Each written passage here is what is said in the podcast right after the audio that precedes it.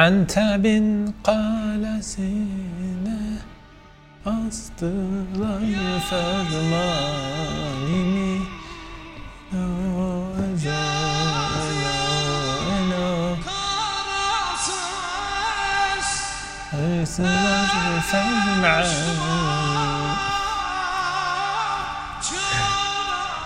عن تاب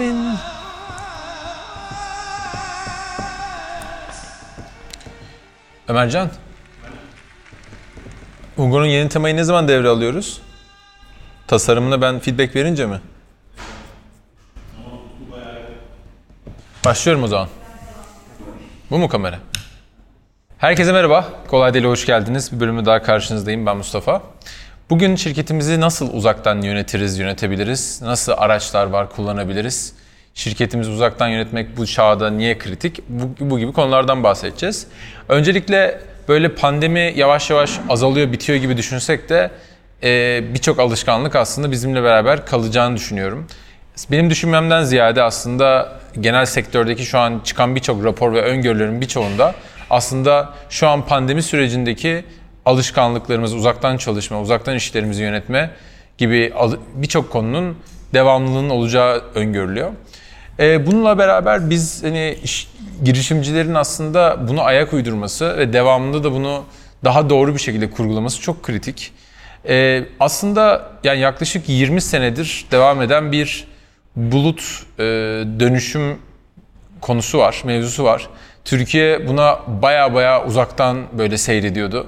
Son 5 senedir gerçekten bu bulut tabanlı uygulamalar, işte bulut kelimesi, işte e, yeni nesil girişimlerin ortaya çıkıyor olması e, işlerimizi oldukça kolaylaştırdı ama hala birçok firmanın kendi ofisinde e, sunucu tuttuğu, işte odayı böyle klimayla soğutmaya çalıştığı, e, işte sunucu güvenliğini sağlamaya çalıştığı, veri kaybını önlemek için ayda on binlerce lira güvenlik için güvenli uygulamalarına, donanımlarına para harcadığı birçok da örnek mevcut. Bir kere herhangi bir ne iş yapıyorsanız yapın. İşte abilerim, ablalarım, küçüklerim fark etmez. Çok samimi söylüyorum. Şu devirde eğer bir savunma şirketi değil, sanayi şirketi değilseniz çok kritik bazı verileri e, kendi bünyenizde bulundurmanız gerekmiyorsa e, herkesin verisi kritik bu arada ama e, ve bir şekilde eğer kendi sunucunuz kendi ofisinizde duruyorsa bir kere çok büyük bir hata yapıyorsunuz ve çok ciddi gereksiz maliyetlerin altına giriyorsunuz demektir. Bir kere bu konuda kendinizi sorgulamanızı ve alternatif çözümler üretmenizi tavsiye ederim. Eğer sunucuyu tutma amacınız örneğin bir muhasebe uygulaması veya bir ERP ise bunların birçok bir alternatifi, birçok bulut tabanlı versiyonları var.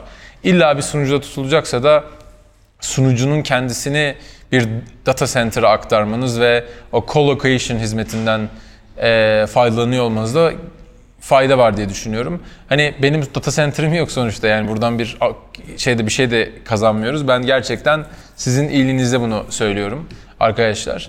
E, bununla beraber aslında şu an bir girişimci böyle ne iş yaparsanız yapın e, olmazsa olmaz bazı uygulamalar var girişimci için. Bir tanesi mesela ön muhasebe. E, ön muhasebe ile ilgili birçok işte yazılım var, birçok firma var. Birkaçını saymak gerekirse işte paraşüt var, kolay bir var, logo işbaşı var, bizim hesap var. Bunların hepsiyle ilgili e, hepsini bakıp hepsini inceleyebilirsiniz.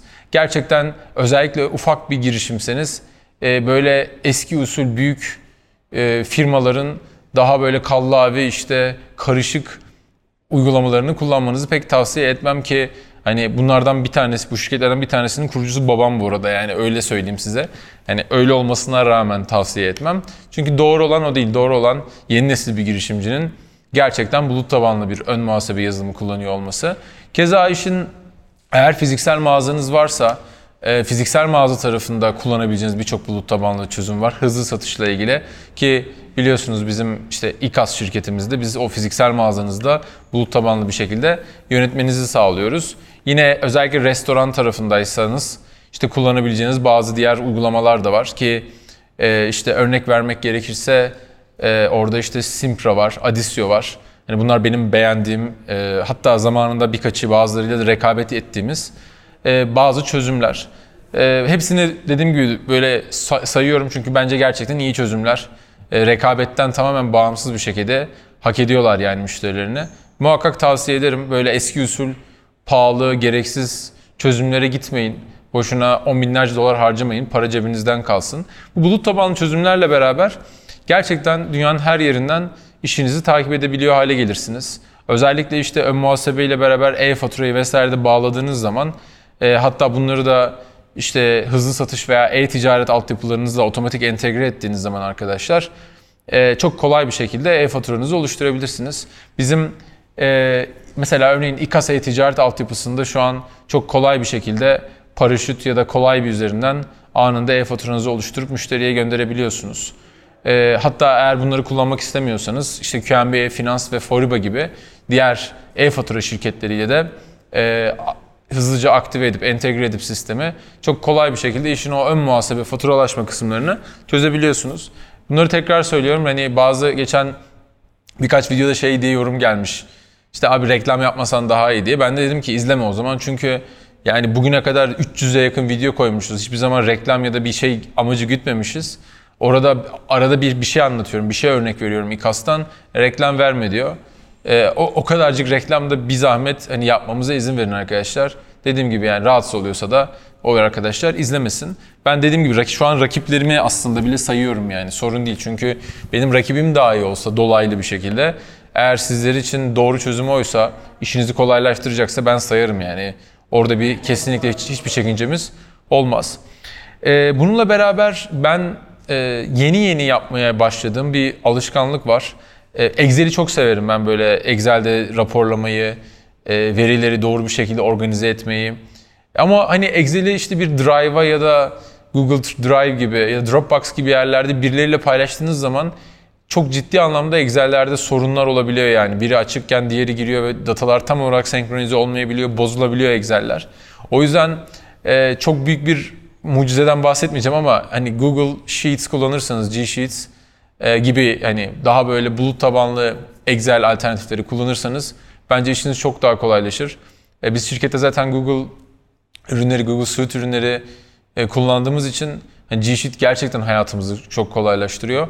Ben temelde takip etmeniz gereken tüm metrikleri, e, böyle kritik metrikleri G Sheet üzerinden paylaşıp e, ekibinizle hep beraber böyle ortak bir şekilde yönetmenizi, görüntülemenizi ve haftalık bazda tekrar değerlendirmenizi ciddi anlamda tavsiye ediyorum. Bu şirketi uzaktan kolay bir şekilde yönetmek için e, çok iyi bir metot.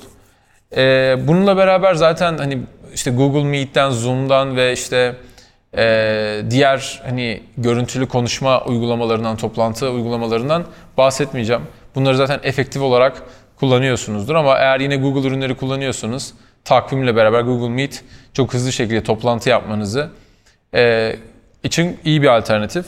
Bu arada yani eğer kıyaslamam gerekirse bence ne kadar ben Google Meet'i çok daha hızlı kullansam da hani Zoom bence daha temiz çalışıyor. Hani hem kalite ses görüntü kalitesi olarak hem de daha sağlıklı olması adına. Ama işte dediğim gibi her şeyi bir yerde kullandığın zaman da e, Google Meet'i tercih ediyorum. Bununla beraber daha ileri seviye e, işlerimi raporlamak, dashboardlar yani böyle ekranlar, göstergeler oluşturmak istiyorum diyorsanız hani Google Data Studio'yu kullanabilirsiniz. Farklı veri kaynaklarından bu sizin bir e, işte ERP'iniz olabilir, bir ön muhasebe ya da muhasebe yazılımınız olabilir, e-ticaret siteniz olabilir, pazar yerleri olabilir veya fark etmez. Buralardaki tüm e, data çıktılarını, feed diyoruz buna, Google Data Studio'da kendiniz birleştirip istediğiniz şekilde gösterge ekranları, dashboardlar oluşturabilirsiniz. Eğer bunları doğru bir şekilde yaparsanız ve e, tam olarak şirketinizdeki kritik metrikleri, KPI'leri görüntüleyebilirseniz arkadaşlar kolay bir şekilde mobilde ve işte bilgisayarda bu size çok ciddi bir esneklik tanıyacak. Hani seyahat etme, işte işlerini her yerden anlık olarak takip edebilme esnekliği. Burada takip edebilme konusu çok kritik. Yani bu bulut tabanlı çözümlerin hepsini kullanmadaki amaç arkadaşlar e, bir tabii ki veri yani verinin güvenliği ve veriyi bir yere bağlamıyor olmak. Böylece olası bir işte sunucunuz yandı, bozuldu gibi yerler data kaybına uğramıyor olmak ama aslında veriye çok kolay bir şekilde ulaşmak ve e, işlerin nerede olduğunu takip edebilmek çok önemli. Yani sizin gerçekten e, uzak uzak masaüstü bağlantısıyla ne bileyim e, terminalden ya da başka şeylerden işte SSH'la falan bir şeylere bağlanıp bir, bir şeylere bakmıyor olmanız lazım. Zaten ortalama bir vatandaş bunları kolay kolay da yapamaz ama bunları biliyorsanız bile e, bunlar sizin için vakit kaybı. Bunları mümkün olduğunca kolaylaştırmak, otomatize etmek sizin için çok önemli. E, bunun dışında aslında yine işi uzaktan yönetme tarafında e, işte işin insan kaynakları tarafında işte kolay İK var. Kesinlikle tavsiye ederim. Onu kullanabilirsiniz. Hani e, ekip olarak işte izinlerin takibi, e, işte kim ka- kaç kişi nerede çalışıyor, ne zamandan beri çalışıyor gibi şeyleri takip edebilirsiniz. Bunların hepsini linklere koyacağız. Zaten birçoğunu biliyorsunuzdur diye düşünüyorum. Birçoğu da zaten bizim, daha doğrusu hepsi arkadaşımız zaten. Ee, bunları kullanırsanız gerçekten hayatınız kolaylaşır. Dünyanın her yerinden ekiplerinizle yönetirsiniz. İşte tüm ön muhasebe, gelir gider, faturalaşma, cari, alacak, verecek, takip gibi konuları yönetebilirsiniz. Tüm satış, karlılık gibi konuları tek bir yerde konsolide edersiniz. Ve en önemlisi eğer fiziksel bir iş yapıyorsanız, yani bir ürün al sat yapıyorsanız arkadaşlar, ben e, bu kararı böyle çok uzun sürelerden, yıllardan sonra, 10 yıldan sonra verdiğim bir karar oldu. Lojistik tarafını dışarıya outsource etmek, yani dışarıya vermek. Şu an Oplok'la çalışıyoruz biz Mugo tarafında. E, çok memnunuz. Çok çok güzel bir ilişkimiz var. Yine çok yakın arkadaşlarız, tüm ekipleriyle çok yakın dostlarız. Ayrı konu ama gerçekten e-ticaret lojistiği tarafında çok iyi bir hizmet alıyoruz. E, ben hani gittiğim birçok arkadaşımda konuştuğum giriş, yeni nesil girişimcide e, bunu tavsiye ediyorum. Hani yine konunun bizle alakası yok, bizim bir çıkarımız yok konudan. Ama e, bence e-ticaret yapan ve genel olarak ticaret yapan bir firmanın e, toptan da olabilir bu işte mal satabilir vesaire.